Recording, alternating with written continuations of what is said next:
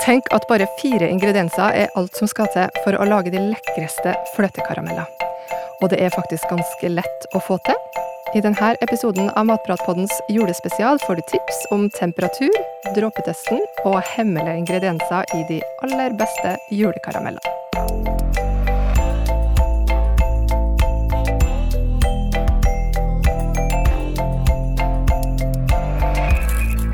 Jeg heter Lisa Ekli, og med meg i dag har jeg matekspertene Britt Malene Kåsin og Therese Elstad. Hei, hei. Hallo. Ja, nå er det altså julegodteri vi skal snakke om, og da noe av det aller beste, nemlig karameller. For hjemmelaga karamell er det veldig vanskelig å slutte å spise når man først har starta. Ja. Ja, det er veldig godt.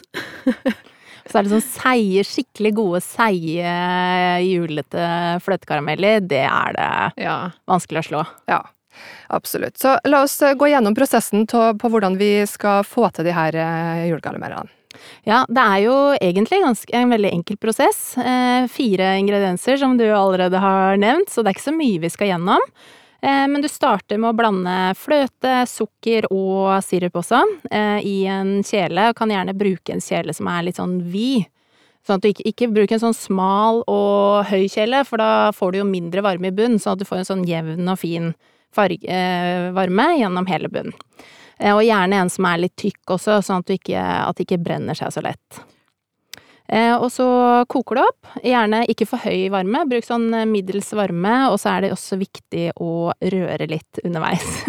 så ikke sett på å gå fra, men hold deg litt i nærheten, og rør jevnt og trutt eh, mens du holder på å koke. Ja.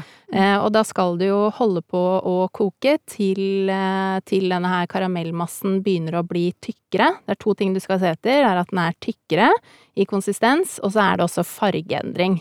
Ja. Ikke sant? For du vil jo ha den fine karamellfargen. Den kommer jo ikke til i, i starten, for du har jo fløte og altså ting som er lyse.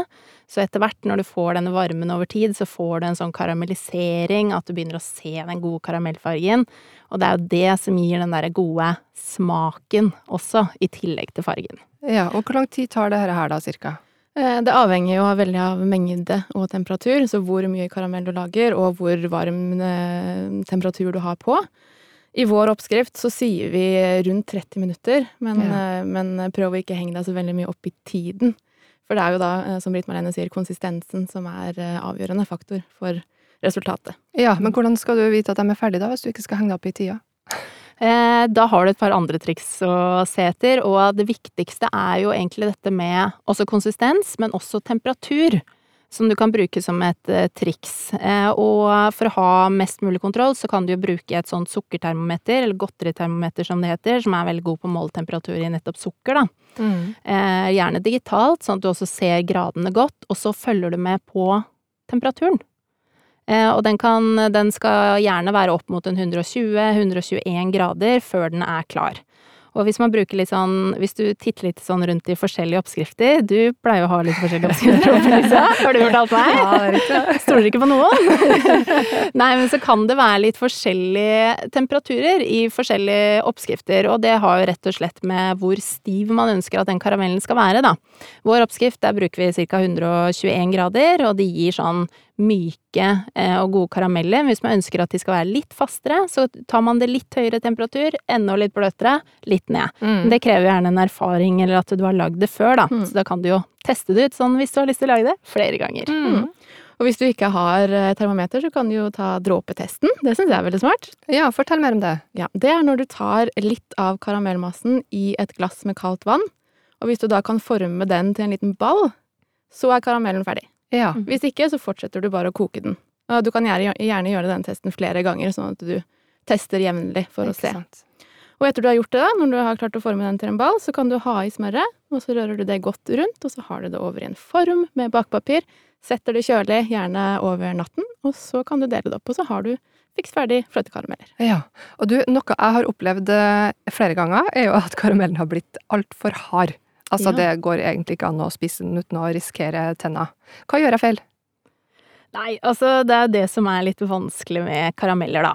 Det er på mange måter veldig enkelt, eh, men det krever litt sånn erfaring, eller at du i hvert fall vet litt hva du skal se etter, da. Så det er alltid lettere når du har gjort det én gang før. Ja, når du har gjort det feil en gang, så Ja, så må du gjøre det litt annerledes.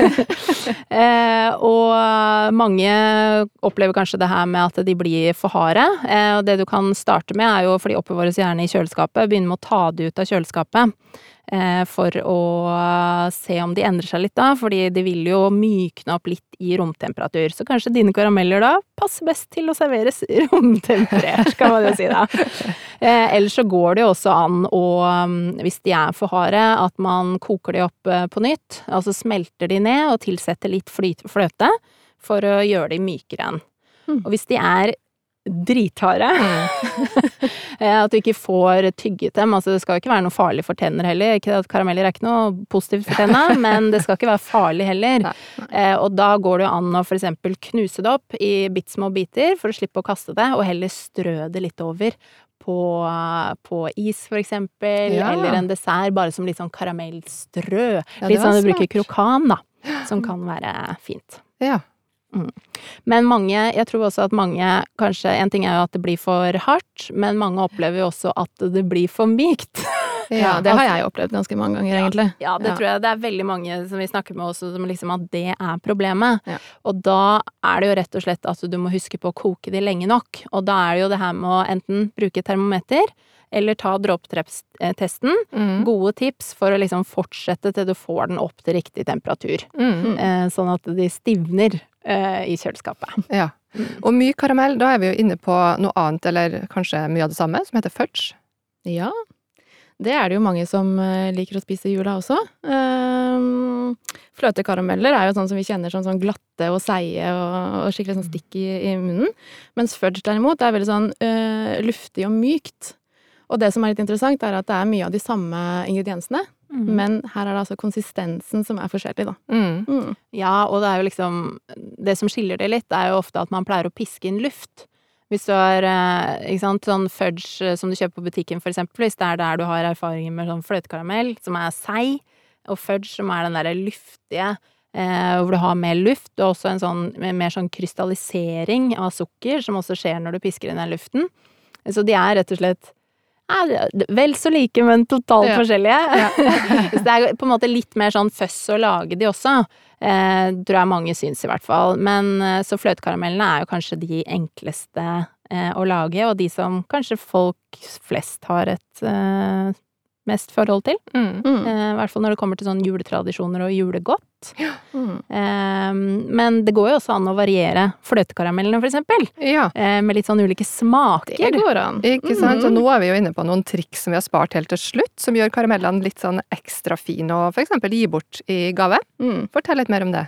Ja, det er kjempefint å gi bort uh, i gave. Um, hvis du har lyst til å gjøre det litt mer spennende, så kan du jo smake til uh, med litt forskjellige ting.